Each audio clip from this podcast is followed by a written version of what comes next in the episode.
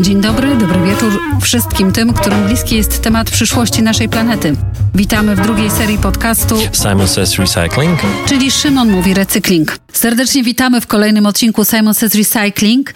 Dziękujemy, że jesteście z nami. Dziś wyjątkowy odcinek, bo recykler spotyka panią od odpadów. Znają się od dawna i z tego co wiem, zawsze mają o czym rozmawiać.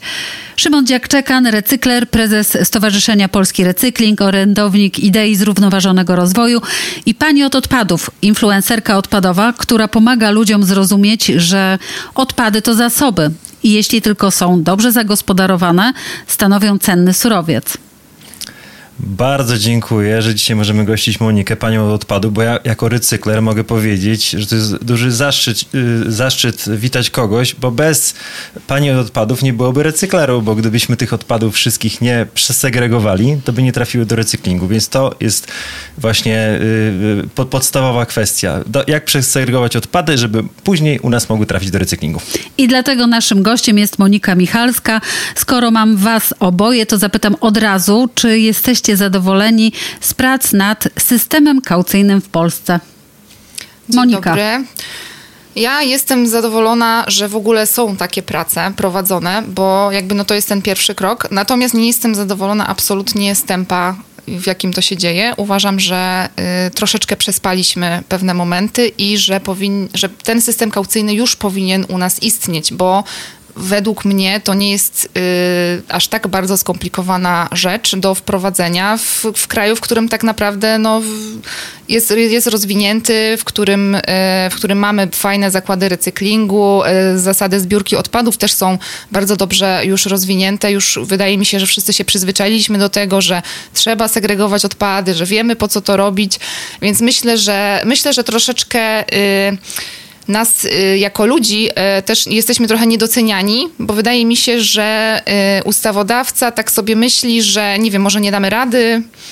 Takie jest moje, takie jest moje spostrzeżenie. A twoje, Simon, jakie jest zdanie na ten temat? Wiesz co, w, w, po ostatnim odcinku, który był o lumpach, kupiłem sobie okulary takie trochę wakacyjne, bo tak sobie myślę, że wiesz, ci e, politycy w Polsce do gospodarki obiegu zamkniętego to pochodzą, podchodzą troszeczkę tak, jak byli cały czas na wakacjach. I e, od ośmiu lat mówimy o tym, że trzeba te ustawodawstwo zmienić po to, żeby właśnie, jak przyjdzie na przykład taki kryzys, jaki jest teraz, to żeby, żeby branża mogła funkcjonować, byśmy mogli przetwarzać te odpady, żeby to było opłacalne. Na dzisiaj niestety tak się nie zdarzyło. Od 2023 mieliśmy mieć już rozszerzoną odpowiedzialność producenta, miał już być system kaucyjny. Y, 6 lipca ma być pierwsze czytanie y, systemu kaucyjnego z tych informacji, które mamy. No tak, ale media już odtrąbiły, odtrąbiły sukces. E, znowu, tak jak było z e, SUP-em, też był falstart e, medialny, informacyjny i teraz falstart wydaje mi się jest systemem kaucyjnym, bo ja przeczytałam niemal wszędzie, w każdym opiniotwórczym dzienniku czy tygodniku, że będziemy płacić 50 groszy, będziemy dostawali 50 groszy za butelkę PET, jak ją zaniesiemy przeniesiemy do systemu, czyli do recyklomatu, tak to się, tak. tak to się będzie nazywało? Tak, czy butelkomatu. Czy butelkomatu, taka informacja obiegła całą Polskę, no ale to tak nie do końca jest. Mamy teraz dwie opcje. Albo jeżeli y, rząd zdąży przed wyborami przeprocesować ten system kaucyjny, to rzeczywiście jest jakaś szansa, że od 2025 roku y, ten y, system wejdzie, ale jeżeli jest taka zasada dyskontynuacji, że jeżeli nie zdążą, tej ustawy przeprocesować do, e, do końca tej kadencji, to ustawa trafia do śmietnika. Dobra, czyli w Musi którym... być później zrecyklingowana. Jasne, to w którym punkcie jesteśmy teraz? 6 lipca ma być pierwsze czytanie w, w Sejmie, czyli Sejm, Senat, e, podpis prezydenta. Czyli mamy medialny falstart po raz kolejny. Tak. Tak, i to jest bardzo takie smutne, bo niektórym się może już wydawać, że już mogą iść do sklepu i już wymieniać te butelki, bo ja też to czytałam, że mamy system kaucyjny i tak dalej, natomiast no, jak wiemy, wszystko to wymaga czasu, żeby dobrze ustawić ten system kaucyjny, żeby właśnie nie było kolejek, żeby to w ogóle działało. Też producenci muszą się do tego dostosować, no bo tam chyba wydaje mi się, że to będzie, będziemy mogli oddawać te butelki do, do butelkomatów y, na podstawie y, kodu kreskowego czy jakiegoś innego kodu Więc jest taka, znaczy ja też rozumiem trochę ten falstart, bo wszyscy czekają. Tak, tak, tak. tak Więc tak, to, tak, to wynika z tego, ale szkoda, że nie zostało powiedziane, że, jeż, że to jeszcze nie teraz.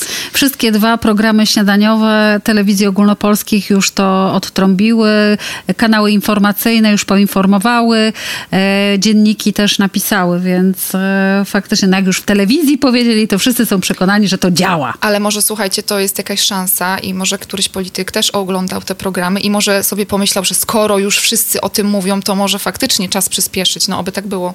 No tak, e, czyli takie trochę podpuszczanie polityków pod temat. No, ja, ja, myślę, że jako branża, szeroko rozumiana branża, właśnie powinniśmy dążyć do tego, żeby trochę e, wszystkie partie polityczne e, tutaj, nie wiem, powiedzieć, zmotywować, żeby nie powiedzieć zmusić do tego, żeby jednak te kwestie ochrony środowiska też tej, w tej narracji istniały, bo nie wiem jak wy, ale tak szczerze, to o wielu rzeczach się rozmawia. No oczywiście teraz mamy kryzys związany z wojną i to jest niestety zawsze takie tematy środowiskowe są spychane na, na, na drugi plan ale to jest chyba taki moment, żeby zapytać się, która partia, jaki ma e, pomysł na ochronę środowiska, na recykling. No tak, od jakiegoś czasu to jest e, nasz pomysł na odcinek podcastu, żeby przejrzeć programy partii i sprawdzić, kto w jaki sposób traktuje środowisko, system kaucyjny, no i cały czas rok. Bogna, no ale jak? No właśnie, mieliśmy przejrzeć te programy, no ale, to, ale, to, był dopiero falstart, bo przecież wyszliśmy na, na, na, na stronę partii, a tam tych programów nie ma. Tak, nie, razie... nie ma programów, to trzeba przyznać i też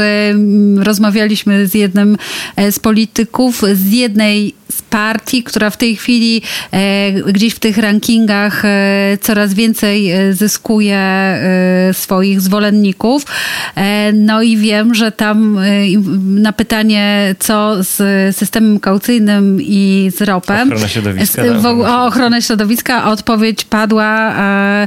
Przepraszam, ja się nie orientuję, czy możemy poszukać wspólnie jakiegoś doradcy, E, ale ja myślę, że to nie jest taki najważniejszy temat e, w tym momencie. Taka odpowiedź padła, no i chyba ciągle ten poziom świadomości wśród partii kandydujących, e, poziom świadomości, ekoświadomości jest ciągle niski. Jak ty to, Monika, widzisz? Tak, widzę to, że zawsze ta ochrona środowiska, kwestie odpadowe, y, szeroko rozumiane zmiany klimatu y, są zawsze na drugim miejscu, za ta, albo nawet na trzecim, za czwartym, za takimi właśnie ekonomicznymi, za problemami, jakie są takie na co dzień, czyli ochrona zdrowia, oświata i tak dalej.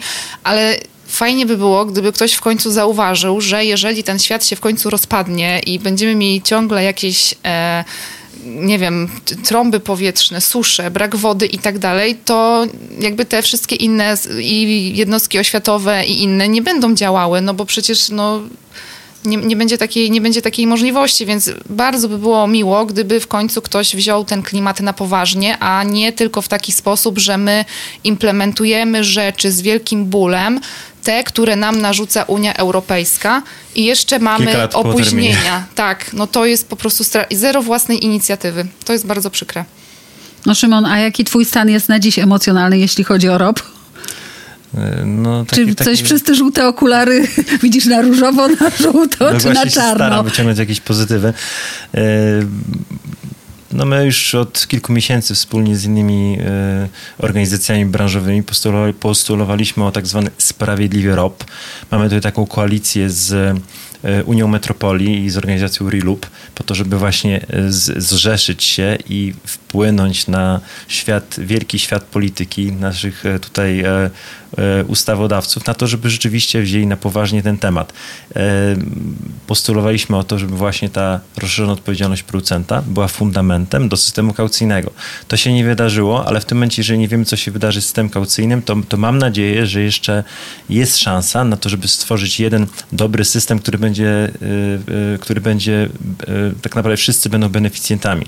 Przede wszystkim te wszystkie prawa unijne, dyrektywy są po to, żebyśmy w Europie i w Polsce mieli czyste środowisko i to jest nadrzędna sprawa. Więc jeżeli projekt ROP został wyrzucony do szafki, dlatego że jest inflacjogenny, ale nie były przedstawione żadne badania, jakieś, jakieś analizy, tylko to było jedno tak naprawdę, jeden news w, w jednej z gazet, który tak naprawdę zaprzepaścił kilka lat ciężkiej pracy ekspertów z branży gospodarki odpadami i również Ministerstwa Klimatu i Środowiska, które też od wielu lat nad tym projektem pracowało. Myślę, że nie ma co tracić czasu i cały czas powinniśmy o tym systemie rozmawiać, bo przyjdzie, nowy rząd, y, który albo będzie musiał tą dyrektywę y, właśnie opakowaniowo implementować, albo rozporządzenie PPWR w które, y, które w, y, też w następnych latach by wprowadziło, można powiedzieć, trochę taki rob z automatu. Niestety polski rząd w, w ostatnich miesiącach poinformował, że jest za tym, żeby ten PPWR, czyli to rozporządzenie o kilka lat w Polsce przesunąć. No taka sytuacja kur, kur, kuriozalna. Na dziś płacimy 6 milionów złotych dziennie kary za nieprzetworzony plastik. Jak tak będzie dalej wyglądało, bo w tym momencie branża recyklingu tworzyw sztucznych robi mniej więcej na 50% wydajności, czyli już dzisiaj powinniśmy powiedzieć 8 milionów złotych dziennie kary, więc y, myślę, że troszeczkę się zabrnęliśmy w kozi róg, ale mam nadzieję, że jeszcze będziemy w jakiś sposób mogli się z tego wykaraskać. E ja mam takie poczucie. E, że nasz odcinek o lumpach był przyjemniejszy. E, zdecydowanie. I jak e, popatrzę wstecz 20 lat, to mam takie wrażenie, że no niestety każdy rząd uczy się dopiero, sprawując swoją funkcję, uczy się dopiero tematu gospodarki obiegu zamkniętego uczy się na nowo. Więc ja subiektywnie obawiam się, że po wyborach znowu przyjdzie ekipa, która będzie się tego uczyła, znowu na piechotę, będą szukali informacji i znów to będzie długo trwało. Ale Monika, ja ciebie chciałam zapytać, ponieważ ty masz dość rozbudowaną społeczność osób zainteresowanych zrównoważonym rozwojem e, są zainteresowani, ale powiedz, jak z nimi rozmawiasz, jaka jest świadomość e, w Polsce potrzeby właśnie wprowadzenia ropu, w ogóle gospodarki obiegu zamkniętego? Moja społeczność jest bardzo świadomą społecznością, więc okay. u mnie ta świadomość y, jest bardzo duża i ludzie, którzy przychodzą i zostają u mnie y, na Instagramie przede wszystkim, oni y, no, chcą tej wiedzy. Oni też jakby też mi piszą, że tam właśnie czytali gdzieś tam, że ten, że ten ROP, że, że system kaucyjny już, już prawie, że kiedy to będzie, że co ja o tym myślę i tak dalej. Także ta świadomość jest, bo to są ludzie, którzy chcą faktycznie zmienić coś oni mają taką potrzebę, żeby gdzieś właśnie. Yy, właśnie mają potrzebę tej zmiany, czyli takiej transformacji trochę, widzą, co się dzieje na świecie. To nie są ludzie, którzy mają klapki na oczach i interesują się tylko, nie wiem, tak jak właśnie już kontynuując temat polityki, tam te kadencja, tak? Tylko im właśnie zależy na tym, na, na przyszłości swoich dzieci. Pisze do mnie bardzo dużo osób, które mają po prostu taki lęk klimatyczny, czyli jakby widzą, co się dzieje na świecie, widzą, że na przykład w ich mieście burmistrz mówi, że y, żeby nie podlewać trawników, bo po prostu tej wody nie ma i trzeba ją zacząć oszczędzać i po prostu się martwią. Martwią się tym. Y, już nie chcę mówić, że to, jest, to są jakieś tam y, niektóre epizody bardzo poważne, że ktoś ma już jakieś tam lęki i tak dalej, no bo, bo to się zdarza. Ludzie mają różną wrażliwość i... Environmental anxiety? Tak, no tak, jest... tak, jest coś takiego. Ale też mówią z drugiej strony, że na przykład ostatnio dostałam taką wiadomość, że jakby moja działalność im pomaga w tym, żeby trochę się uspokoić, czyli ja im pokazuję i w bardzo prosty sposób tłumaczę, że słuchajcie, wystarczy, że wrzucicie dany odpad do danego pojemnika i jakby branża się tym zajmie. Potrzebny jest nam tylko ten wasz pierwszy krok, a później jakby wszystko, ja też pokazuję różne zakłady przetwarzania, jak to wszystko się dzieje i im jest trochę lepiej, że oni nie robią tego na darmo bo to jest też, jak ja, to, ja tak zaczynałam, taki był mój cel, żeby pokazać to... śmieciarka i wszystko po, Żeby pokazać właśnie to, po, to życie po drugiej stronie śmieciarki, że to nie jest tylko tak, że ona przyjeżdża, zabiera te odpady i w ogóle super. Tylko ja im pokazuję, co dalej się z nimi dzieje i myślę, że to tak ludziom pomaga sobie wyobrazić też i czują taki większy sens tej segregacji. Monika, ale chcę, chcę ci powiedzieć, że tak, że ja, ja się specjalizuję w opakowaniach, czyli w recyklingu opakowań. Robię to od 18 lat, a, a recyklinguję się praktycznie wszystko, nawet wszystko wszystko, co widzimy tutaj w tym studio. I, i często rzeczy, rzeczy, które wrzucasz są dla mnie bardzo ciekawe, bo ja na przykład o, o, na, na, nie znam się na, na metalach, na, na odzysku złomu mm. i tak dalej, więc chciałbym się ciebie zapytać, co ciebie zainspirowało, żeby tego typu profil rozpocząć, bo, bo, bo z tego, co wiem, że na co dzień też zajmujesz się czymś innym, ciężką pracą jednak to jest dodatkowy twój czas, to znaczy, że ty poświęcasz wieczory zamiast e, na oglądaniu Netflixa, to na, na wrzucaniu kolejnych postów na Instagrama. No tak, trochę tak jest. Ja myślałam o tym bardzo długo, bo tak dwa lata tak się zbierałam, czy wchodzić na ten Instagram, czy nie. I tak sobie obejrzałam sobie, najpierw zaczęłam od tego, że sobie obejrzałam w ogóle konta takie o tematyce ekologicznej, e, jakie są na Instagramie. I zderzyłam to z tym, co ja robię, czyli zajmuję się gospodarką odpadami już od 10 lat i pomyślałam sobie, kurczę, mam tą wiedzę, mogę to jakoś ludziom tak przystępnie podać. I ja w ogóle nie spodziewałam się tego, że to tak pójdzie szeroko. Wystrzeli. Wystrzeli. Oczywiście to nie był jeden jakiś moment, tylko to, to jest już, ja jestem dwa lata gdzieś tam w tych social mediach, więc to jest Czy, takie... A, a poczekaj, to może to było takie covidowe przemyślenie, refleksja covidowa. Trochę tak, to jest takie pierwsze dziecko covidu moje, można, można tak powiedzieć. Więc ja tak miałam takie takie przemyślenia i zaczęłam wrzucać te posty. Później te gdzieś tam podchwyciły też te większe konta, na przykład y, stwierdziły, że mam tą wiedzę, więc gdzieś tam, wiesz, y, też byłam zapraszana do, do jakichś tam, nie wiem, live'ów, czy właśnie do jakichś podcastów i tak dalej. No i czy tak to się zaczęło kręcić. Czy do telewizji, tak.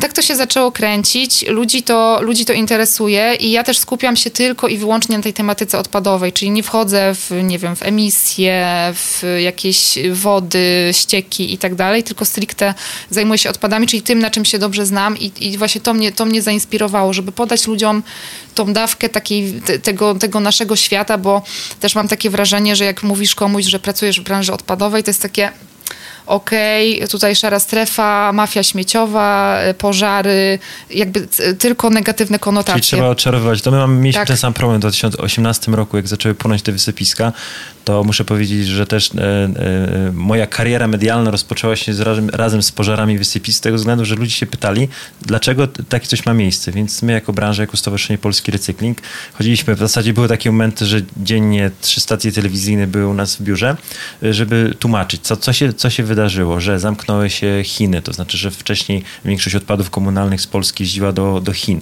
Tam to przetwarzali. Co przetwarzali, to przetwarzali, resztę gdzieś tam utylizowali.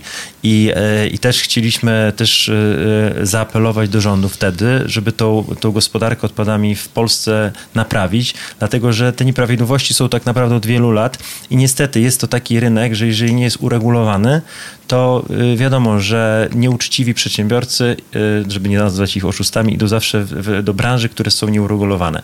Więc w 2018 roku te ustawy o odpadach y, i inspekcji, które zostały znowelizowane, to chyba było pierwsze, nie pamiętasz Monika, jak Morawiecki wystąpił i, i powiedział, że musimy sobie poradzić z tym, z tym problemem tych pożarów.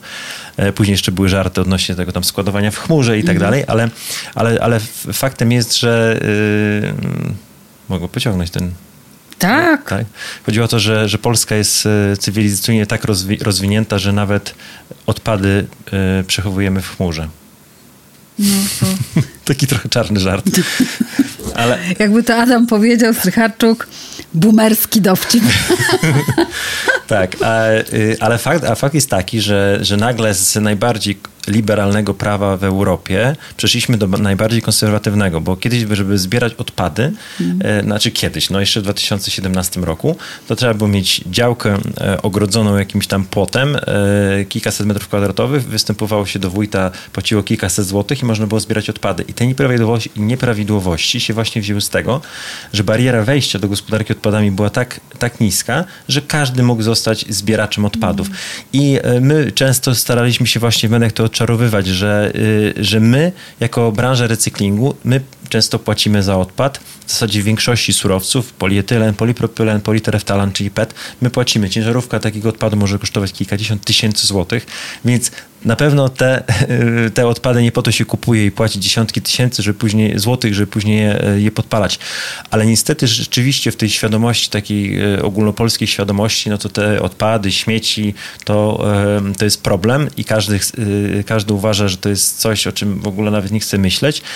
Ale tak jak tutaj Monika wspomniała na początku, że to jest jeżeli mówimy, że jesteśmy cywilizowanym społeczeństwem, jako Polska, rzeczywiście się rozwijamy, bo przyjeżdżają ludzie z zagranicy i mówią wow, że polskie miasta są e, piękne, e, miasteczka, mamy rozbudowane autostrady, to tak, na, tak naprawdę gospodarka odpadami e, mówi o tym, czy ten kraj jest naprawdę rozwinięty. Powiemy, jak to wygląda w krajach nisko rozwiniętych. No to gdzie my te, jesteśmy? Te odpady, śmieci leżą, leżą na ulicy. A gdzie my jesteśmy jako Polska?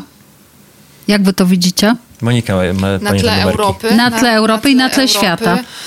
Myślę, że jesteśmy w pierwszej połowie na pewno. Na pewno nie jesteśmy gdzieś w ogonku Europy i świata, bo mamy bardzo rozwinięty system właśnie tej zbiórki odpadów. Oczywiście jest wiele do poprawy, natomiast y, patrząc na kraje typu y, Węgry, Bułgaria, Rumunia, czyli tą część Europy, do której powinniśmy się moim zdaniem porównywać, bo jesteśmy gdzieś tam e, bliżej tak. geograficznie, no ale też jakby na historia, tak, kraje, tak, nasza tak, historia tak. Też, jest, też jest bliższa, to my jesteśmy, powiedziałabym, liderem. Oczywiście no, Niemcy, kraje skandynawskie. No lepiej jest, zabrzmiało. To jest, to jest taki benchmark, do którego my ważne, dążymy. Ważne, do kogo się porównujemy. No tak, no tak, tak, tak. Więc, y, więc tutaj absolutnie nie jesteśmy w żadnym ogonku, e, w żadnym ogonku Europy. No, mamy swoje bolączki. To nie to, co w piłce nożnej, że z Mołdawią przegrywamy.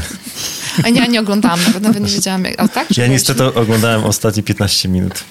Ostatnie tak, nie, nie, będę się o, o, denerwował, włączę telewizor, jak już będzie 2-0. Było 2-0, włączyłem i 3-2 przegraliśmy. Na szczęście jesteśmy w branży recyklingu i tutaj możemy tak. Nas jest lepiej niż piłce wieść prym. Tak, no a już, a już w ogóle dla porównania takie kraje, nie wiem, Ameryka Południowa, czy Afryka, czy w ogóle Azja, y, no oczywiście w Azji Chiny i tak dalej, no oni mają rozwinięte te, te procesy wszystkie związane z odpadami, no ale to też jest Bo jakby, to nie jest wszędzie. Odpadach. Tak, to też nie jest wszędzie. No Japonia na przykład też taki kraj w ogóle super i tak dalej, ale tam większość tych odpadów się spala, tak, czyli e, termiczne przekształcanie odpadów, no bo oni też nie mają miejsca e, na tych wyspach ani na składowanie, ani po prostu na jakieś tam, no, pewnie działają tam zakłady recyklingu, ale myślę, że dominują tam właśnie spalarnie odpadów, więc no to, to zależy. Tak nie, bo w Stanach 7% y, tylko tworzyw sztucznych trafia do recyklingu, a 93% głównie trafia na składowiska, bo, bo, bo tam w drugą stronę to jest y, cały kontynent, tak. Y, gdzie, gdzie mogą w zasadzie te miliony ton odpadów składować. E, uwielbiam te informacje, Simon, e, o Stanach, ponieważ wtedy bardzo poprawia mi się humor i od razu w zupełnie innym miejscu pojawiamy się jako Polska e, i robi mi się momentalnie lepiej. A mi Korzyst nie. Korzysta nie, wiesz co, ja zastanawiam się z tym bardzo związany, dla mnie to jest przykre. Ja przyjechałem do Polski, żeby w 2006 no roku tak, ale Stany to jest ten niedościgniony nasz ale ideał okazuje... gospodarczy. Tak bardzo wszyscy będą musiał wracać do Stanów, bo tutaj zaraz będzie mieli 50% za kilka lat, a w, a w Stanach nadal będą mieli 7%. No to wtedy będzie co tam robić, a na razie tak. myślę, że jest dużo do zrobienia tutaj, więc jeszcze nie musisz wyjeżdżać. Chciałabym skorzystać z tej okazji, że jesteście e, tu oboje i oboje e, i mentalnie, i zawodowo jesteście osobami, które mają wiedzę, ja bym to nazwała w cudzysłowie, z drugiej strony śmietnika, czyli z drugiej strony kubła e, na odpady. I dlatego chciałam Was zapytać, który pojemnik którym kolorze jest najbardziej zaopiekowany przez Polaków, a który jest najbardziej zaniedbany przez Polaków. Jak to, Monika, z Twojej perspektywy wygląda i z Twojej, Szymon? Najbardziej zaopiekowany i o tym najwięcej się mówi jest moim zdaniem żółty pojemnik. Uważam, że właśnie żółty pojemnik jest najmniej zaopiekowany. tak, To jest właśnie. punkt wyjścia. To jest punkt, ale dobra, A możemy... najmniej zaopiekowany jest Możemy brązowy pojemnik. Jest e, brązowy, Który? brązowy jest najmniej zaopiekowany. Mhm. Czyli tak, y, w ogóle jeszcze bardzo mało osób i bardzo mało spółdzielni i jakiejś tam administracji budynków w ogóle prowadzi zbiórkę odpadów mhm. bio, a jeżeli jest prowadzona, to e, ostatnio byłam w takiej wiacie śmietnikowej i po prostu jest tam oczywiście dużo tych kontenerów takich normalnych. Bio? Nie, ale po prostu miałam problem, żeby znaleźć w ogóle to ten... To na marzenie. Ja, ja tak robię. Miałam problem, żeby znaleźć w ogóle ten kontener, bo on tam był taki mały, gdzieś tam wciśnięty w kąt, y, no bo to no wiadomo, tak, odpady ale, bio brzydko pachną Ale Monika, tak ale dalej. z brązowym przynajmniej jest tak, że jak ja zaglądam, no a zaglądam, kiedy mogę, to, to przynajmniej do, jak otwieram ten brązowy, to tam zazwyczaj są bioodpady. Albo tam albo jest puste, no dobra, albo mhm. są tam bioodpady, bo a, a w żółtym, jak zagram do żółtego, no to tam czasami jest wszystko. Ostatnio nawet miałem taką sytuację na, na takim ryneczku tutaj gdzieś na, y, na Mokotowie. Y, czekałem sobie na znajomego i patrzę, idzie sobie babcia ze zmieszanymi mm -hmm. śmieciami i przechodziła koło żółtego pojemnika i tylko się w lewo, w prawo obróciła i pach, wszystko do tego, do tego żółtego. I teraz chciałem ją gonić, samosąd społeczny, no ale mówię, wiesz, szkoda mi się tej babci zrobiło. Ale, ale... widzisz, czy ona wiedziała, że, że źle robi? Bo mówisz, że się gdzieś tam rozejrzała. Tak, no, Czyli jakby no, tak. no to jest takie bez sensu, że wiesz, że się źle robi, ale się robi źle. No tak, ale chyba powinniśmy ustalić, co to znaczy najmniej zaopiekowane i najbardziej zaopiekowane, bo dla ciebie to znaczy co innego, a dla ciebie, Monika, ja w to... mówiłem też o no ekodesignie, tak? To znaczy, mhm. że, że, w żółtym pojemniku y, czy w żółtym worku możemy odzyskać 50-60%, jeśli chodzi o recykling. Reszta to jest odzysk energetyczny i często składowiska, dlatego że nie ma w Polsce rozszerzonej odpowiedzialności producenta, mhm. czyli tak zwanego ekoprojektowania. I dla mnie mhm. Czyli problem z żółtym workiem, z żółtym pojemnikiem zaczyna się od braku ekoprojektowania. To znaczy, że patrząc na, znaczy przemysł idzie do przodu, i cieszę się, że widzę, że już po prostu coraz więcej opakowań ma, y, ma napisane oddaj do recyklingu. To są super mhm. inicjatywy, ale uważam, że nie po to te dyrektywy unijne były wprowadzone, żeby no, ich nie implementować. Y, I czyli moim marzeniem jest, żeby z tego żółtego pojemnika więcej surowców się wyciągało. I teraz jeżeli byśmy porównali, dlatego będę challenge'ował to, co powiedziałeś, ile ile procent masz y, y, uzysku, ile surowca z żółtego pojemnika, z brązowego, zielone, zielonego, niebieskiego, no to na przykład takim zielonym y, to, to, to jest prawdopodobnie 80%, tak? Czy 90%, bo tam jest głównie szkło. E, e, tam, tam zanieczyszczeniem z plastik. Tak, nie, mamy, nie mamy problemów generalnie z segregacją szkła, chociaż tutaj pewnie jak będzie nas y, słucha, słuchały zakłady recyklingu szkła, to będą miały inne zdanie, bo tak. oni mają swoje inne problemy i na przykład, że dużo... Nie, no bo tanie zanieczyszczenie tak. jest właśnie tworzywo i papier w, tych, w tym szkle, czyli... I ceramika i jakieś takie wyroby tak. inne. Tak, bo warto przypomnieć, że do szkła wyrzucamy tylko i wyłącznie szkło, szkło opakowaniowe. Opakowaniowe, nie, nie tak, tak, tak. Tam e, w, właśnie ceramiki czy, czy szyb stłuczonych. Tak, mhm. tak. Szkła takiego stołowego też nie wrzucamy. Czy chciałaś dokończyć zdanie jeszcze? Bo ja bym chciała wrócić jednak do tego pojemnika mhm. bio, dlatego że mówisz, że z twojej perspektywy on jest najmniej zagospodarowany, tak. no i pytanie moje, dlaczego? E, no właśnie, ciekawa jestem, jakie jest. E, ja wiem, dlaczego ja mam z tym problem, ale powiedz, jak no dlatego, to wygląda że o tym właśnie się nie mówi. Czyli jakby skup, moim zdaniem skupiamy się na tych tworzywach, na tym plastiku e, i tak dalej. Natomiast nie mówi się w ogóle o segregacji odpadów bio. Czyli nie mówi się o tym, żeby wrzucać te bio bez e, na przykład foliowych worków. E, nie udostępnia się w ogóle właśnie infrastruktury, czyli tych koszy, bo te, albo, albo te kosze są e, po prostu i w okresie takim jak teraz, letnim, to po prostu strach jest do nich podejść, bo po prostu zapach i te robaki i to wszystko, czyli one są opróżniane zbyt rzadko. Mhm. i po prostu ludzie, ludzi to obrzydza, więc oni jakby chcą to wypchnąć te, te odpady bio gdziekolwiek, albo w ogóle ludzie sobie nie zadają trudu i dają wszystko do zmieszanych bo uważają, że to jest jakby powody, powody są różne. Ludzie myślą, że to jest obleśne, że to jest jakby szybko to gdzieś tam śmierdzi im w domu. Że szczury. Że, że szczury. Że, że szczury że przyjdą tam... do śmietnika się nakarmić. Tak, więc, mhm. więc, tych, więc z tego powodu uważam, że to jest taki najmniej, y, najmniej zadbany. Poza tym w Polsce no, mamy dużo mniej y, na przykład niż zakładów recyklingu tworzyw sztucznych, y, kompostowni i nie no, instalacji no, do przetwarzania. Nie wiem, czy pamiętasz te statystyki, ale, ale to są jakieś, nie wiem, setki czy, czy nawet tysiące biogazowni małych i większych w Niemczech Niemczech, u nas jest tam kilkadziesiąt. Tak, a, a, tylko w dziewięciu robi się y, po prostu odpady takie kom, pochodzenia komunalnego, więc jakby to jest, to pokazuje tą no Tak, czyli po drugiej stronie też jest, po drugiej stronie też jest problem, tak. nie tylko po stronie tak. gospodarstw tak. domowych, ja ale też przetwarzania, tak, tak, tak tego. No, no. Tak, przepraszam, ale właśnie przypomniało mi się na konferencji kilka lat temu, jak była taka pierwsza konferencja mm, y, odnośnie bioodpadów, to, to było, wiesz, co jest pierwsze, jajko czy kura, tak? Dlaczego w Polsce nie było y, biogazowni? Bo nie było strumienia strumienia bioodpadów. A dlaczego nie było strumienia bioodpadów? Bo nie było biogazowni. Czyli gminy nie zbierały odpadów bio, bo nie było biogazowni, a inwestorzy mówili, nie, nie otworzymy biogazowni, bo nie ma mhm. odpadów. Więc rzeczywiście ten, ten taki początek, czyli ten, że zbieranie tego na pięć frakcji, pięć frakcji i później e, e, jakby tworzenie tego strumienia, to było, to było moim zdaniem bardzo słuszne, po to, żeby coraz więcej właśnie osób w Polsce zbierało. Ja akurat e, nie zbieram tych odpadów bio do tego brązowego, bo mam kompostownik. I, i muszę się pochwalić, że ostatnio jak opróżniałem mój kompostownik, to nagrałem film longiem, chyba półtorej godziny z łopatą, więc mam nadzieję, że może któryś z następnych odcinków Bogna byśmy... Aż się boję. E, bym, e, no do, dobra, trochę się spociłem, ale... A... Ja teraz się spociłam. Ale, ale chciałbym, żeby możemy zrobić tak, że puścimy, to my będziemy sobie rozmawiali o bioodpadach. Może kogoś zaprosimy, może na przykład Piotra Szewczyka, bo wiem, że ostatnio biogazownię w, czy uruchamia, czy uruchomił. Tak. Będziemy rozmawiali o bioodpadach, a, a Simon będzie szuflował.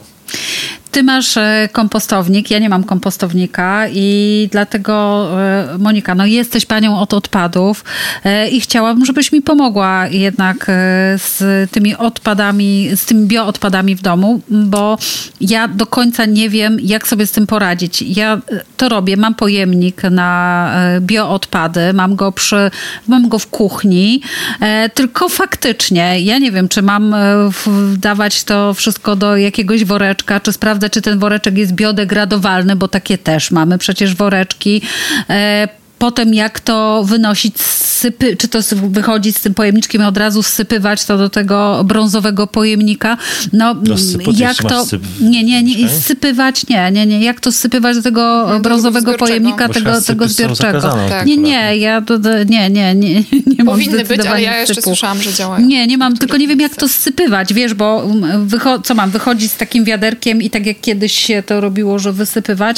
No jak sobie z tym radzić? No ja powiem ci, jak ja sobie sobie z tym radzę. Mam właśnie takie małe, małe jakieś wiaderko, to może być wiaderko po jakimś proszku do prania, ja mam albo po pomidorach. Po czym, albo właśnie po, po, po czymkolwiek tak. i po prostu ja sobie daję tam luzem i później ja mam akurat zbiórkę workową, czyli ja nie mam, ode mnie z domu odbierają, odbierane odpady są w workach, czyli mam taki brązowy worek po prostu od gminy A, i sobie wsypuję do tego worka, który później tam wystawiam raz w tygodniu. Natomiast jeżeli masz y, kontener, no to ja bym luzem, w, luzem to wrzucała, chyba, że bardzo ci się nie chce myć za każdym razem tego no wiaderka. No tak, no. no to możesz wykorzystać te worki właśnie kompostowalne y, do tego, żeby po prostu gdzieś tam w tych workach i te, w tych workach wynosić te, te odpady i one się, okay. one się rozłożą. Natomiast trzeba uważać, bo są takie, które już ci się Podróbki. zaczną rozkładać rozkładać w tym Od razu w tym e, wiaderku albo podróbki, no, więc warto też sprawdzać certyfikaty właśnie, żeby był ten OK for compost znaczek i wtedy możesz używać takich woreczków. Moja sąsiadka używa gazety, wykłada ten e, pojemnik gazetą. To jest OK? To jest OK, chociaż no gazeta to jest też dobry no, materiał do, do recyklingu papieru, więc jakby ja tutaj się... To już jakby to jest już taki, wiecie... Jak, Ale jak, czy, jak, czy ta gazeta robi, może faktycznie tak, trafić do bio? Ona jest ja OK? uzupełniałem tak, to, co okay. To jest dobra informacja Monika. dla mnie.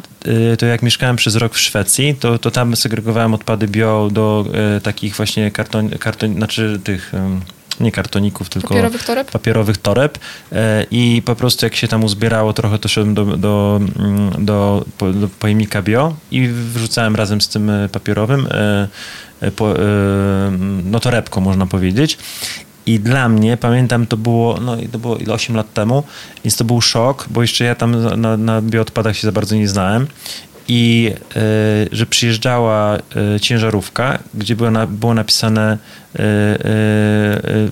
jadę na gaz z odpadów, tak? Znaczy z, z tych bioodpadów. To znaczy, że ta ciężarówka była, poruszała się była, była właśnie na, na ten biogaz. I dla mnie, nawiązując do tego, że w Polsce, że jest taka takie, wiesz, taki, takie powiedzenie, że te wszystkie odpady idą do jednego worka i tak dalej, i tak dalej, że to wszystko ściema, to dla mnie no nie było lepszego dowodu na to, że, yy, że to jest, ma to sens, ta segregacja bioodpadu, bo ja widzę, że ta ciężarówka jedzie. To jest dla mnie tak. dowód. Yy, później no, w Polsce no, nie poszło w kierunku tych, y, tych kartonowych, yy, znaczy tych papierowych, mm, tylko poszło w kierunku tych plastikowych. Y, nie wiem, czy Monika się spotkałaś z tym, że wiele osób mówią bez sensu. Jeżeli ja do plastikowego worka wkładam to bioodpad, odpadł, to na pewno to jedzie na wysypisko.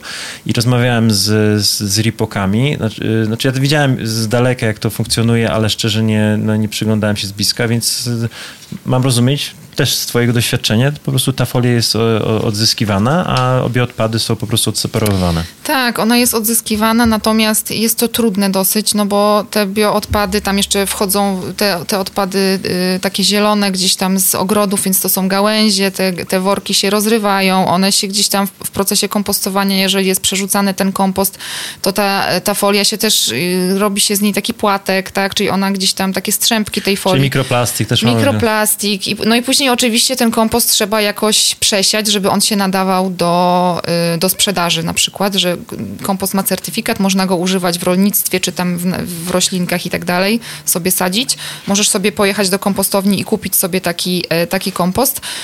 No i właśnie jest ten problem, że tam trzeba siać to po 3-4 razy, mhm. ten kompost, żeby się pozbyć tego plastiku, a i tak jest ryzyko, że po prostu gdzieś tam ten plastik się pojawia.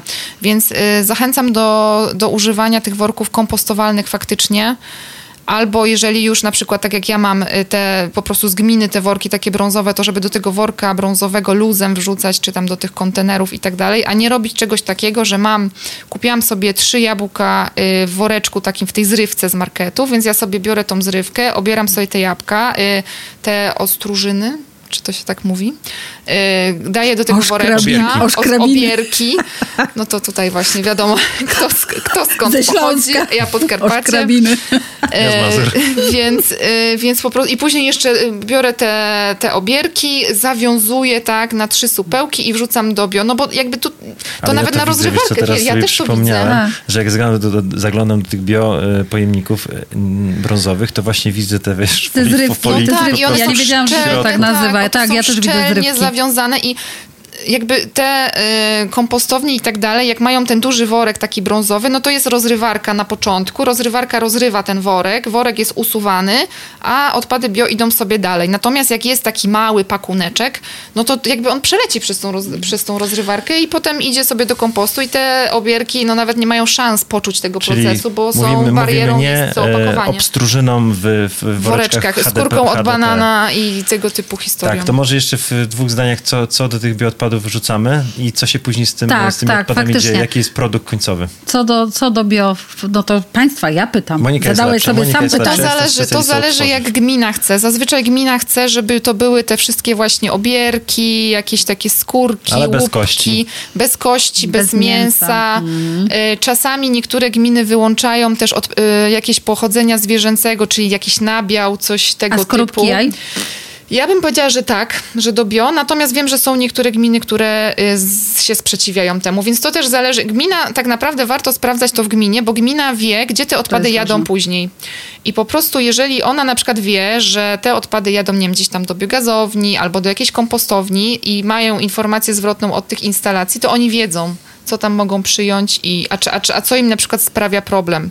E, więc, więc tutaj, jest, tutaj jest ta kwestia, żeby to sprawdzać e, w gminach. Także no w zasadzie ja osobiście wrzucam te jakieś, nie wiem, jak masz jakiś, nie wiem, makaron, ci się coś tam się stało z jedzeniem, czy, czy nie wiem, jakiś catering masz i nie zjesz, coś ci się zepsuło. No mhm. takie sytuacje się zdarzają. Ja to wszystko wrzucam generalnie do odpadów bio, plus te jakieś tam obierki i te inne takie z przygotowywania posiłków. No właśnie, jedziemy do biogazowni i w, bio, w biogazowni wydziela się metan i ten metan później się jest odzyskiwany na energię tak. elektryczną. Tak, dokładnie. A ile mamy w Polsce takich biogazowni?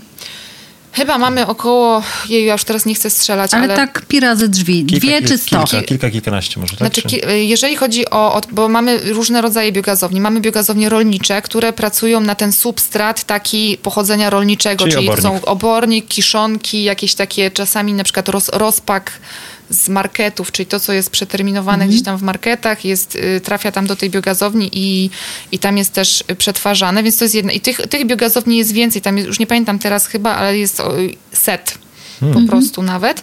Natomiast mamy dziewięć biogazowni, w tym właśnie ta wspomniana w Orlim Stawie, która niedługo ruszy, które będą przetwarzać te takie bioodpady pochodzenia komunalnego więc jest ich jeszcze nadal mało i gdybyśmy od dzisiaj wszyscy y, zaczęli grzecznie segregować -hmm. odpady bio, to po prostu nie byłoby z nimi co zrobić, bo nie ma na tyle instalacji. A pamiętasz y, ile, ile tysięcy ton czy setek tysięcy ton tych bioodpadów jest? Może? Nie, nie pamiętam, ale to mm. musiałabym zerknąć w...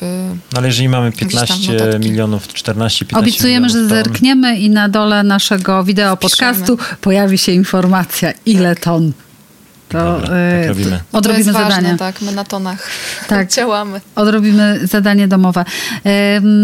Wracając do porównań, e, rozmawialiśmy o miejscu Polski na mapie świata, na mapie Europy.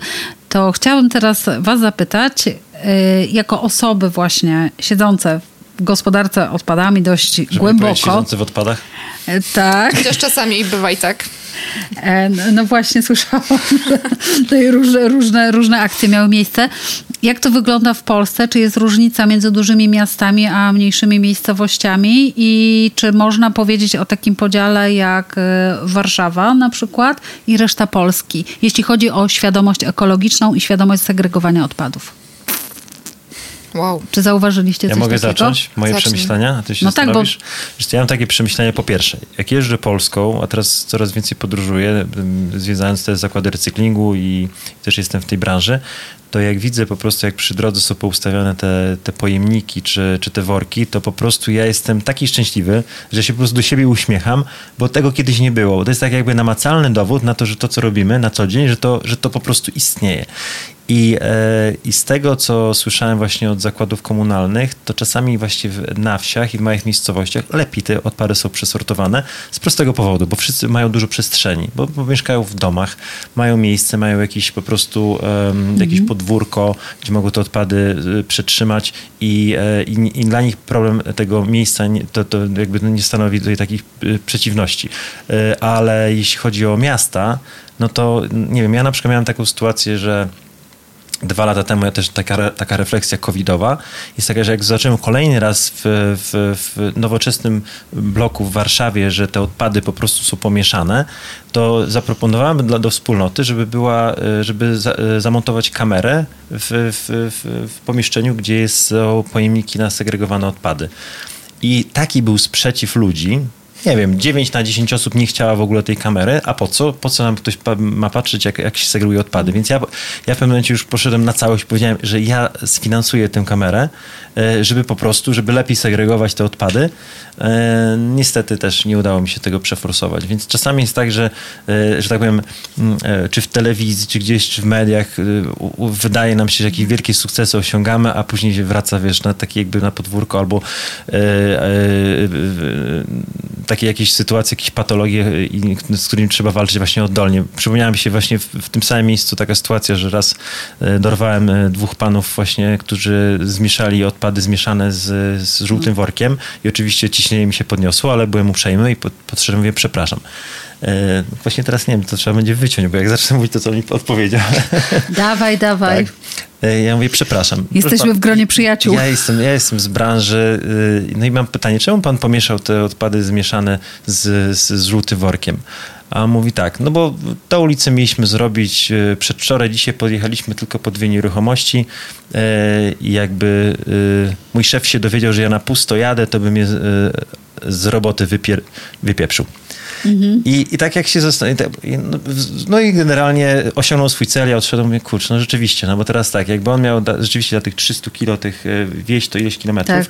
no to to jest e, ekonomicznie nieusa, nieuzasadnione, Tak. więc czasami jest tak, że wiesz, przez te social media jak ktoś wrzuci taką jedną, ja też mogłem to wrzucić na Facebooka i powiedzieć, że recycling to jest ściema, ale czasami po prostu, wiesz, tutaj mamy jakieś ustawy, nasze dobre praktyki i tak- tak dalej, a później jest taka sytuacja, że facet po prostu nie chce ciężarówką i spalać, cię- w ciężarówce spalać 200 kilo diesla, 200 litrów diesla, żeby 300 kilo przywieźć. Więc też no, nie można być takim chyba orto, ortodoksem. Nie można być ortodoksem, ale też e, wydaje mi się, że to jest temat na takie dość duże badanie społeczne. Myślę, że nie wiem, e, tutaj ktoś z waszych organizacji e, warto, żeby się tym zajął, dlatego że mm, czuję, to na razie czuję, że może być ogromna różnica między świadomością ekologiczną deklarowaną, a faktycznie Tak. praktykowaną. Tak, i to jest, już były takie badania robione, że, bar, że chyba 90% Polaków w ogóle zadeklarowało, że oni segregują odpady. Oczywiście. Jakoś tak, no bo jakby no wyrzucają, No, oczywiście. w jakiś tam sposób w ich głowach segregują. Natomiast tu się zgodzę, tak, na wsiach jest jeszcze ten brak takiej anonimowości, czyli masz ten swój płot, y, swoje obejście i jakby wszyscy widzą, Podejdź ile ty, do płotu, jak ja ile, ty, podchodzę. ile ty worków y, wyrzuciłeś, czy była impreza i dużo szkła tam jest, czy, czy w ogóle jakby nie ma, Ja wiesz co, nie ale, ma ale, szkła ale i też tak tak dalej. mam. Wiesz, Ale w bloku jak, gorzej, Jak, jak no. szkło zapomnę wystawić nie, i później tak wiesz, wystawię za To dużo, to głupio, nie? No, Trochę trochę tak. wstyd, nie? No. Więc jakby tak, Oczywiście tam jest same, same napoje słodkie, tak? Jest, e, jest, no jest, jest z tym problem, e, ale myślę, że ta świadomość się budzi trochę w nas. I ja bym też nie w ogóle nie demonizowała ludzi na wsiach, że oni na przykład wszyscy, palą śmieciami w piecach i tak dalej. Zdarza się to oczywiście nadal, ale na przykład no, moi rodzice mieszkają na małej wsi i I tam widzę, że ta świadomość jest taka już to jest ja... duża. Oczywiście dalej się zdarzają, że ktoś tam wywiezie do lasu jakieś tam śmieci albo coś tam, nie wiem. Albo, albo coś tam robi takiego, że nie wiem, gdzieś tam coś robi i nie wiem, tam butelkę jakąś tam pije sobie coś tam i gdzieś tam wrzuci tam, gdzie, tam, gdzie nie trzeba, tam, gdzie nie, nie powinien. Natomiast no to już jest taki margines i myślę, że ta, ta świadomość w nas rośnie i ludzie chcą tego tylko jeszcze no niestety trochę, trochę działa też psychologia mhm. tłumu, trochę też działa to, że jest za mało tych kontenerów, bo jak na przykład jest, nie wiem, jeden kontener na ki kilkadziesiąt mieszkań w bloku i wszyscy sobie kupujemy w tych dużych, pięknych y, pudełkach wszystko i nie zgniatamy tych, tych pudełek, no to po jednym dniu, nawet jak był odbiór tego samego dnia, już jest zapełnione, więc, to tak, więc wtedy się wrzuca tam, gdzie jest miejsce, te odpady. Ale no Monika, i tak to też jeszcze jest jedna ważna sprawa, że y, wiesz, że w wielu gminach bardzo rzadko wywodzi się, wywozi się te segregowane odpady. Raz na przykład na cztery tygodnie. No to ja tak mam. Y, na, na dzisiaj w zasadzie całość selektywnej zbiórki jest opłacana przez mieszkańców, przez gminę. Czyli nie ma rozszerzonej odpowiedzialności producenta, bo to producent powinien tak. płacić tak. za wywóz tych odpadów segregowanych i za zagospodarowanie. I, czyli 80% y, zbiórki i recyklingu powinien zapłacić producent. W tym momencie płacimy my jako mieszkańcy. Więc, więc też wydaje mi się, że jeżeli wiesz, dojdziemy do momentu, że ten rok będzie, to też te odpady będą częściej e, odbierane, przez co ludziom się będzie bardziej chciało, bo jak ktoś sobie pomyśli, że ja mam teraz, a szczególnie w lato, teraz właśnie mamy już lipiec, sierpień, teraz to jak mam, jak ktoś sobie pomyśli, że ten miesiąc będzie czekał e, i wiadomo, że w plastikach, w tworzywach też jakieś, czy jakieś puszki aluminiowe, czy jakieś po jakiejś szprotce, przecież to później też tam sobie zaczyna żyć własnym życiem, e, więc jeżeli wszedłby ROP, na pewno to by miało też dobry wpływ na zwiększenie segregacji odpadów, tym bardziej, że statystyki mówią, że co roku po kilka, 4, 5, 6% więcej hmm. mamy odpadów segregowanych, a nie zmieszanych. Więc myślę, że to jest taki optymistyczny, optymistyczny akcent. Znów wróciliśmy do naszego portu e, i kotwiczymy w rozszerzonej odpowiedzialności producenta, bo to się nam pojawia niemal w każdym podcaście. E, I myślę, że dziś warto jeszcze raz wyjaśnić e, naszym słuchaczom, co to jest takiego ROP i na czym on polega, dlatego że może akurat ktoś dziś dopiero włączy ten odcinek i, i od, a może nasz, jakiś polityk Słuchał. i od dziś może nas zacząć słuchać słuchać, więc e, dlatego bardzo proszę Państwa o wyjaśnienie, co to krótko, w kilku zdaniach. To co to, Monika co to takiego jest ROP i dlaczego jest dla nas taki ważna? Tak, to ja może powiem tak właśnie prosto, własnymi zdaniami, bo definicji gdzieś tam mam w głowie, ale no, mniejsza z tym.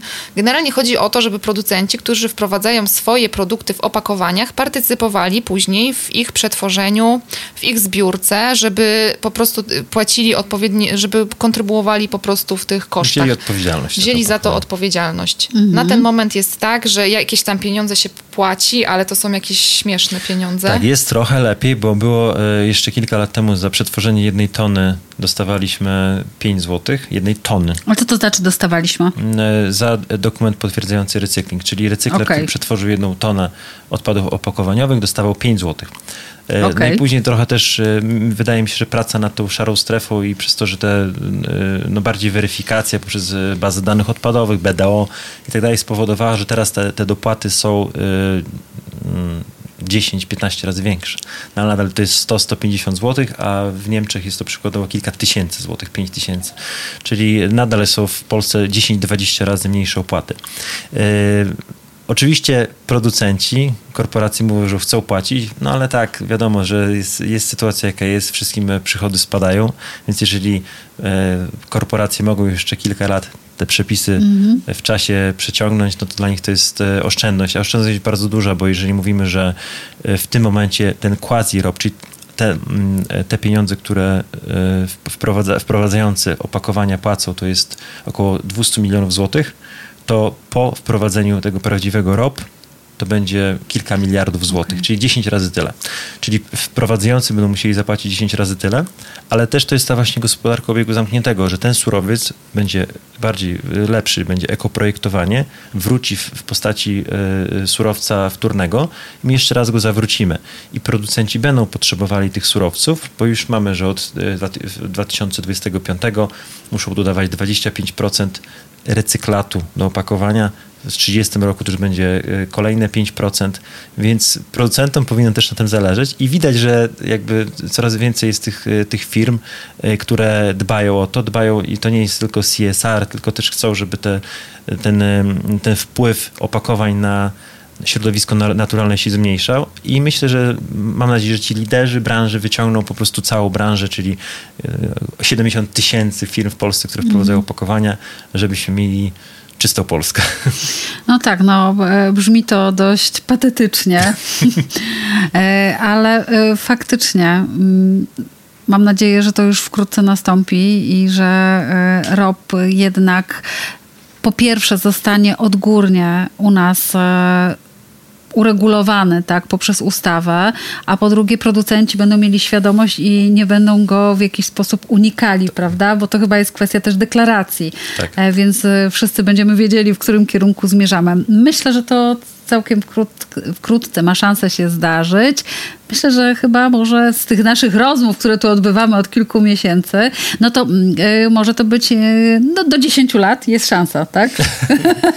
Nie, no myślę, że to jest kwestia E, ja mam obstawę 2026. A ty?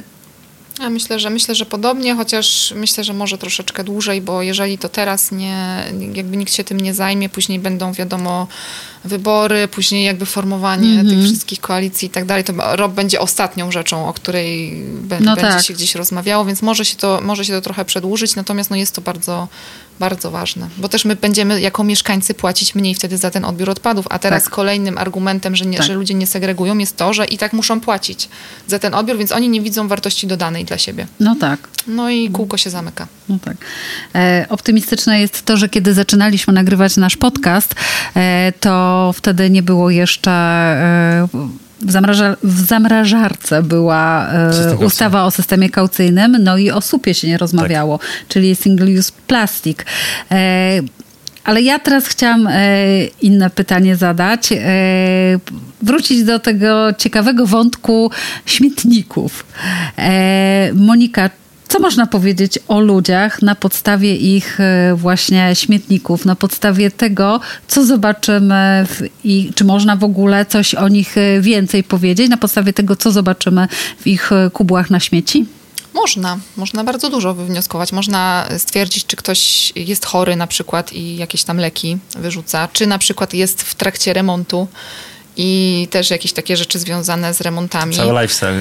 Wszystko lifestyle można wychodzi. sprawdzić. Tak. Y, bardzo popularne jest teraz na przykład, że y, ludzie starsi sprzedają mieszkania albo tam młodsi dziedziczą te mieszkania i, i wyrzucają wszystko po prostu z tych mieszkań, więc można znaleźć w tych śmietnikach, nie wiem, książki, zastawy, y, ordery, po prostu cudawianki. Ja obserwuję kilka takich osób na Instagramie, które właśnie gdzieś tam sobie A ja chodzą. profile śmieciarka jedzie, uwielbiam tak, ten profil. I po prostu wtedy, no i tam masz od lasa do lasa. Tak naprawdę wszystko. Także można bardzo, no o statusie wiadomo, takim naszym życia też można y, dużo wiedzieć. No tak, jakby jakie marki, są... jakie, wiesz, czy wyrzucamy ubrania, czy wyrzucamy buty, czy wyrzucamy w ogóle dobre rzeczy, takie, które jeszcze gdzieś by się może komuś Czyli mówi nam przydać. to o świadomości, tak. samoświadomości, tak. o, e, o statusie. Statusie, zasobności takim, właśnie tak, tak portfela. Tak.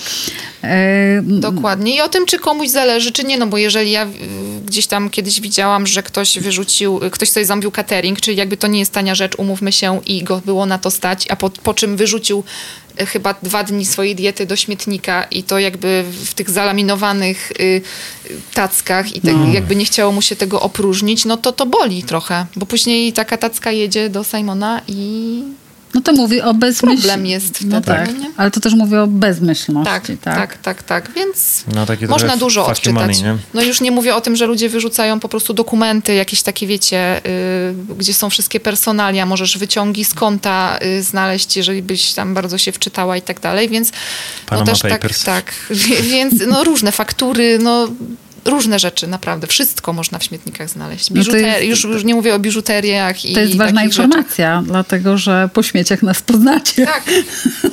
no to trzeba faktycznie uważać na to, co się wyrzuca tak. i w jakim stopniu też gdzieś tam zniszczone, no bo faktycznie tak. te dokumenty, no to y, trzeba dbać o to śledczy mógłby bardzo dużo wywnioskować. Dokładnie tak. Znaczy, mi się w ogóle marzy, takie moje marzenie, jeżeli mogę być odpadowe, to jest, żeby był, była taka technologia i możliwości i finanse żeby na to, to żeby, żeby jak znajdziesz y, śmieć na przykład w lesie, to możesz sczytać y, po prostu, y, nie wiem, po odciskach palców albo po danych biologicznych, czyje to jest i wtedy wysyłasz paczuszkę do tego kogoś. To, ja mam... to jest takie moje, ja wiem, że to jest nierealne, ale to jest takie moje po prostu duże marzenie. Trzeba mieć. Ja mam bardziej wysublimowane marzenie. Ja marzę, y, to jest w ogóle świetny pomysł, ale jakby coś takiego zaimplementować e, do tego, co pozostaje po pieskach na dworze. O, Też. to byłby ale hit. Ale z tym już się poprawiło, tak szczerze, już, już jest lepiej. Zależy gdzie. A, okay. Chyba. No to nie wiem, jeżeli wy nie sprzątacie po swoich psiakach, to wiesz. No Żolibo, Żoliborz Bielany spoko. Natomiast e, wracam z Trójmiasta. I tam jednak e, faktycznie trzeba biegać między minami. Tak? Ale to taka... To, mała, mała wtrętka. Nie obrażając oczywiście Trójmiasta, wspaniałego, cudownego Gdyni, Gdańska i Sopotu, które uwielbiam. E, wróćmy jeszcze do Single Use Plastic, bo to jest właśnie e, taki sukces, tak? Sukces tego rządu, tak można powiedzieć. Mm, czy wy jesteście zadowoleni z tego rozwiązania? Co to zmienia? Myślę, że jeśli chodzi o te problemy. Ale tak serio. Jeśli chodzi o, o branżę recyklingu, to jest bardziej kwestia środowiskowa, bo ja już chyba um, ki, kilka odcinków temu mówiliśmy na ten temat, mm-hmm. że z perspektywy recyklera to tak naprawdę te produkty, które będą teraz już są zakazane, czyli słomki, czy patyczki do uszów, czy jakieś takie małe właśnie produkty, e, nie mają dużej wartości mm-hmm. recyklingowej, dlatego że są po prostu, e, ważą po kilka gram i tego się nie wyciąga na, na, na sortowniach. Ale więc z perspektywy środowiskowej na pewno jest to bardzo y, dobra legislacja i cenne. Jeśli chodzi o o, o, przepis, który się pojawia w Single Use Plastics, który nam bardzo odpowiada, to jest obowiązek wykorzystania recyklatu. To znaczy, że od 2025 roku już w każdej, każda butelka PET będzie musiała mieć 25% surowca z recyklingu bo ta sytuacja, którą mamy teraz, czyli można powiedzieć zapaść, jeśli chodzi o popyt w branży recyklingu, mamy naprawdę zapaść, bo nasze zakłady robią na 50% wydajności, jest tym spowodowana, że w momentach, kiedy jest nadpodaż surowca pierwotnego, czyli tak, tak zwanego nowego plastiku, e, producenci wybierają nowy plastik, no bo to jest tak, jak ktoś miał zapłacić za używany samochód więcej -hmm. niż za nowy. Tak. Wiadomo, że jeżeli ktoś ma kupić używany, to chce zapłacić Prosty taniej. mechanizm. A tak, nam tak, koszty tak, tak, wzrosły, a nie ma e, właśnie ropu, nie ma przepisów, które by powodowały, że, e, no, że ten producent jest zmuszony, żeby zobligowany tak naprawdę, żeby ten recyklat wykorzystywać. A ty Monika? Ja jeszcze poruszę tutaj temat y, przedsiębiorców, bo akurat jestem na bieżąco, że to dużo im, e, że tak powiem, zmieniło w ich. Oni tam muszą prowadzić inną sprawozdawczość troszeczkę. Niektórzy gdzieś tam się zatowarowali w te jeszcze jakieś tam mhm. plastikowe rzeczy, więc też jakby mogą to, co prawda, tego jeszcze jakby się pozbyć, ale też muszą udokumentować to, że jakby kiedy to zostało zakupione, czy nie po tym terminie, kiedy ta mhm. dyrektywa y, została podpisana, bo to też w sumie było chyba takie niespodziewane trochę, że prezydent tak nagle podpisał tą dyrektywę, ale ja uważam, że to jest dobry krok z tym, że y, jakby rozumiem, y, jakby dlaczego ta dyrektywa została wprowadzona, rozumiem ideę i tak dalej, natomiast no w Polsce nigdy nie było tak, że podjeżdżała śmieciarka i do Bałtyku się opróżniała, więc jakby tutaj jakby jest to potrzebne, ale jakby wydaje mi się, że takiego efektu, jak na przykład dałoby to, nie wiem, na Malediwach czy na Bali, to nie przyniesie. Natomiast jest to oczywiście dobry krok, pozytywny. Fajnie, że będzie, że będzie trochę mniej tego plastiku. No to jest taki troszkę e, mały sukces ekologiczny, bardzo fajnie wyglądający chyba w mediach, tak mi się wydaje. No myślę, ludzie... że tak, bo każdy gdzieś tam widział tak. to zdjęcie żółwia z, ze słomką gdzieś tam, tak? Tak, tak, tak, i tak, tak dalej. Tak. Więc tak, no i małe, no ale ważny, tak? Ważne, że, ważne, że jest ta dyrektywa, że ją, że ją implementujemy i jest, ja jestem do, jakby jak najbardziej pozytywnie nastawiona. Monika, jako pani od odpadów, e, jakbyś e, siebie zdefiniowała? E, Jakie ty masz zadanie? Po co robisz to, co robisz? Czy możesz mówić o jakiejś swojej misji? Jak siebie definiujesz w tej kategorii? Akurat misji to nie, bo ja nie lubię takich wzniosłych, mm. wzniosłych słów. Ja po prostu... Yy pokazuję ten świat, bo chcę odczarować tą branżę odpadową. Chcę też, żeby dużo, jakby my potrzebujemy też młodych ludzi. Ja jak nie mówię, że nie jestem młoda, ale potrzebujemy też takiej świeżej krwi. Chcę, chciałabym, żeby ludzie jakby nie bali się tego i bardzo dużo osób mi mówi, kurczę, dzięki, piszę teraz pracę na przykład magisterską, o, o coś tam o odpadach, zainspirowałaś mnie.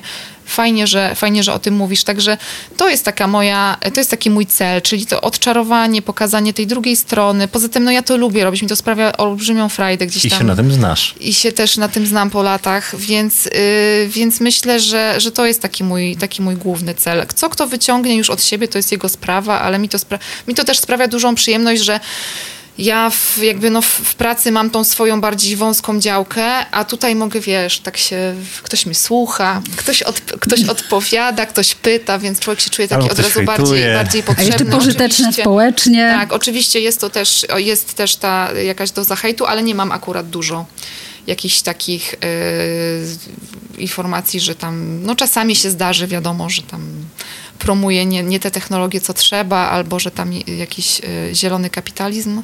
Chyba ktoś mi kiedyś napisał. Zielony no, kapitalizm. Tak, ale to bywa. Jako no, terrorystka. Tak, tak, tak, tak, bywa, tak bywa. No, jakby każdy ma prawo się wypowiedzieć. Dopóki jakby mi nikt nie, nie grozi śmiercią i tak dalej, to jest okej. Okay. Jak ty, Szymon, definiujesz siebie?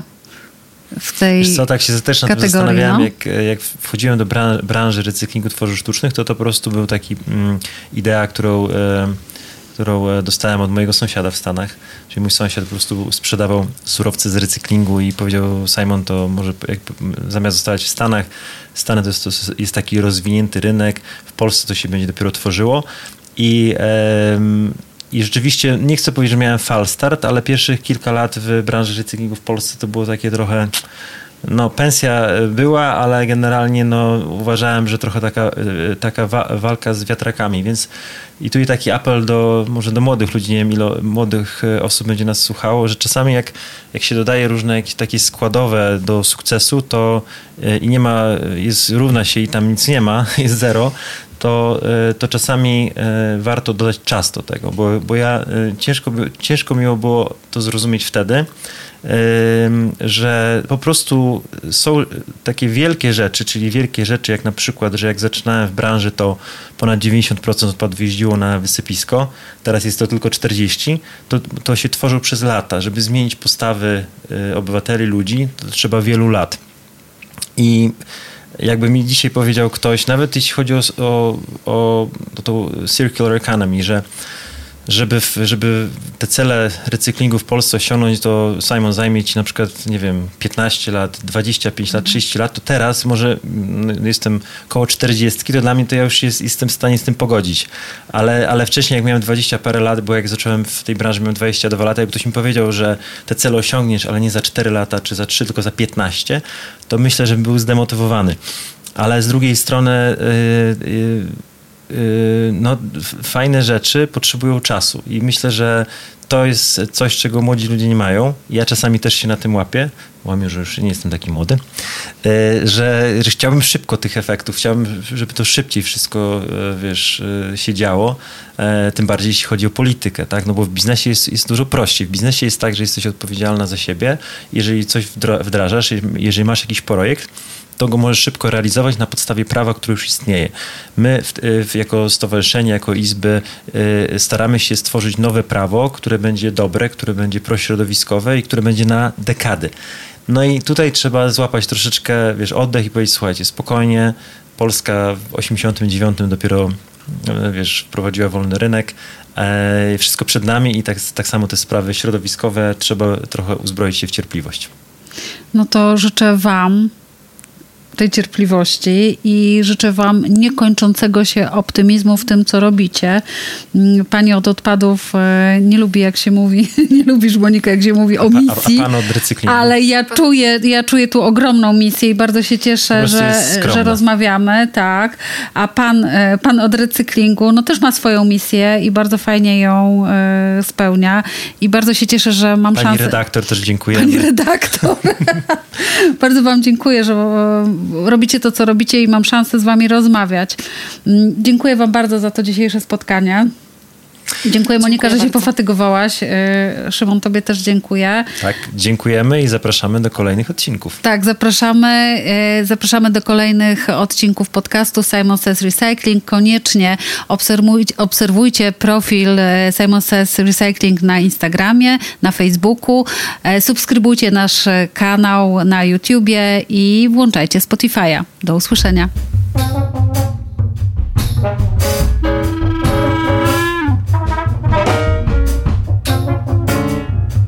Simon Says Recycling, czyli Szymon mówi recykling.